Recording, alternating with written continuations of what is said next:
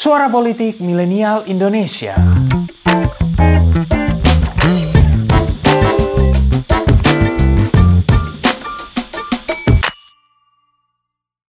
Wajar saja kalau Kapten Tesna memperingatkan saya waktu berangkat. Pak, mohon dipertimbangkan lagi Pak. Gitu. Kita tiga orang, mereka 120 orang. Ya tentu saja, saya bisa salah. Dan risiko yang paling ekstrim, saya bisa dibantai di sana. Tentu itu menjadi berita besar yang Kepala Badan Intelijen Negara dibantai oleh Gerakan Aceh Merdeka.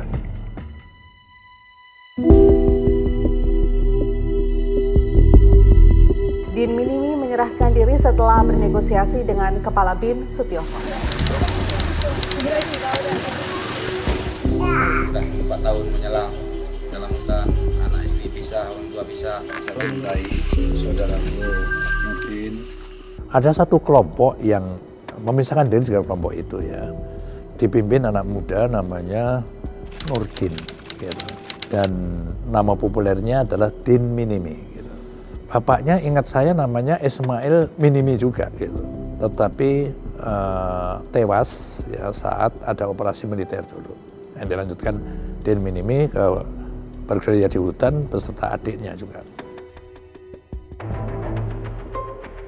Oleh karena itu sekali lagi ya, karena saya memang background saya itu intelijen khususnya penggalangan gitu. Saya selalu berusaha untuk melakukan pendekatan lunak atau soft power gitu kan. Itu yang saya lakukan. Tetapi bagaimana saya bisa kontak uh, Din Minim ini? Tidak hal yang mudah ya karena saat itu dia adalah most wanted ya uh, di jajaran aparat itu. Tetapi dengan melalui uh, Yuha ya orang Finlandia yang dulu juga tercip, terlibat di perjanjian Helsinki ya, saya dapat nomornya gitu. Lalu Yuha tak suruh kontak Din Minimi, lalu saya minta dikenalkan. Nah sejak itulah saya kenal dengan Din Minimi dan bisa berkomunikasi. Akhirnya uh, dia saya ajak berunding mau tidak kan gitu. Akhirnya dia mau berunding. Ya, saya mewakili pemerintah tentunya. Uh, dia mengajukan tiga syarat. Satu, Pak Sutioso jangan diwakilkan. Gitu. Kalau diwakilkan siapa pun saya tidak mau berembuk berunding. Gitu. Oke. Dua, kalau Bapak membawa anak buah, saya minta dua saja Pak. Gitu. Oke. Yang ketiga, tempat dan waktunya saya Pak yang menentukan. Ya saya ikut saja. Jadi saya sampai di Aceh, lalu saya langsung ketemu Panglima dan Kapolda dan saya memberitahu bahwa saya akan melakukan perundingan langsung dengan kelompok tim ini. Yang saya minta adalah pasukan, apakah itu dari kepolisian maupun dari TNI yang ada di depan, saya minta untuk tidak bergerak ke mana pun. Saat saya akan naik ke atas. Cerita singkatnya setelah koordinasi Nurdin, bagaimana saya bisa mendapatkan tempat dia gitu. Ya dia kasih arahan bagaimana kilometer berapa saya harus nanti belok ke kanan gitu. Habis itu terus katanya ada anak buahnya pakai sepeda motor, pakai baju putih gitu yang akan mandu gitu. Walaupun dengan susah payah ya. Dan saya di perjalanan itu saya sadar ya bahwa karena aku juga belum kenal sama namanya Tin Mini Mini ya. Hanya satu keyakinan saja bahwa anak ini anak yang termasuk gentleman ya gentleman bukan pengecut ya, ya dan dia adalah orang yang bisa dipercaya gitu.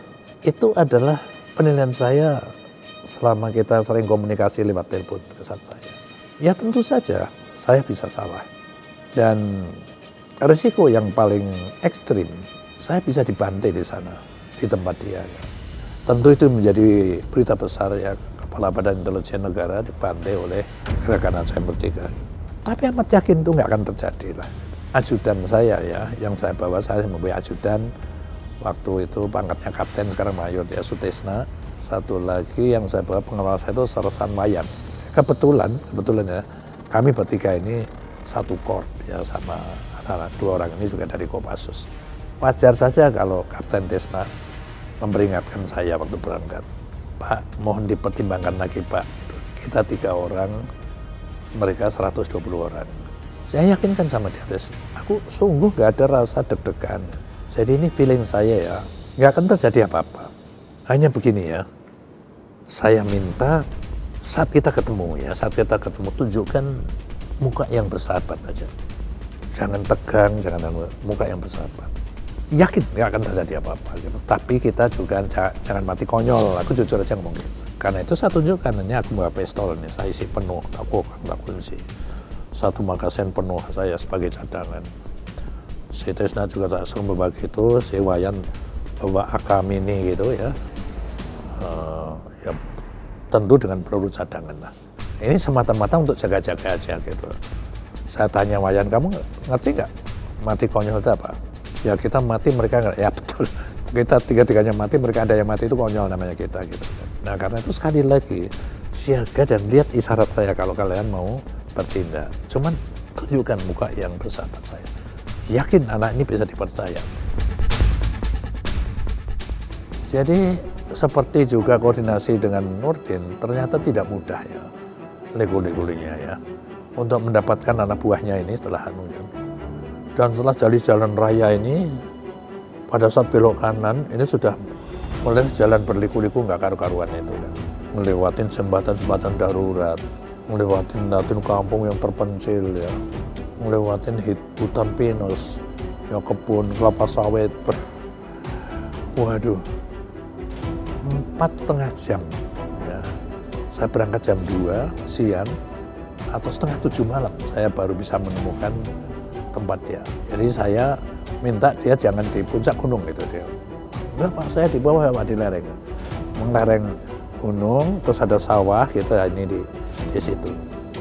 Ada gubuk. Cerita singkatnya sampailah di gubuk itu ya di pinggir sawah itu. Udah gelap gulita tentunya ya udah.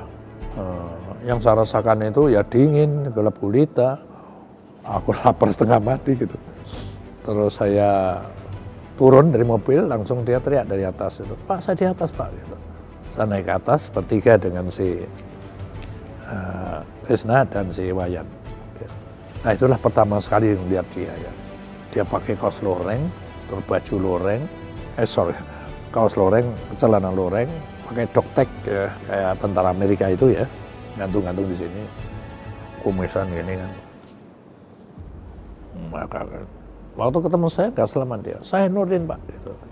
tangannya siap di trigger ini, akanya gitu ada dua anak buahnya juga bawa AK yang sama. Saya bilang, Din, saya Pak Sutioso ya. Ini ajudan saya Tisna, ini pengawal saya Wayang. Saya bilang, Din, kami bertiga membahas senjata nggak apa-apa kan?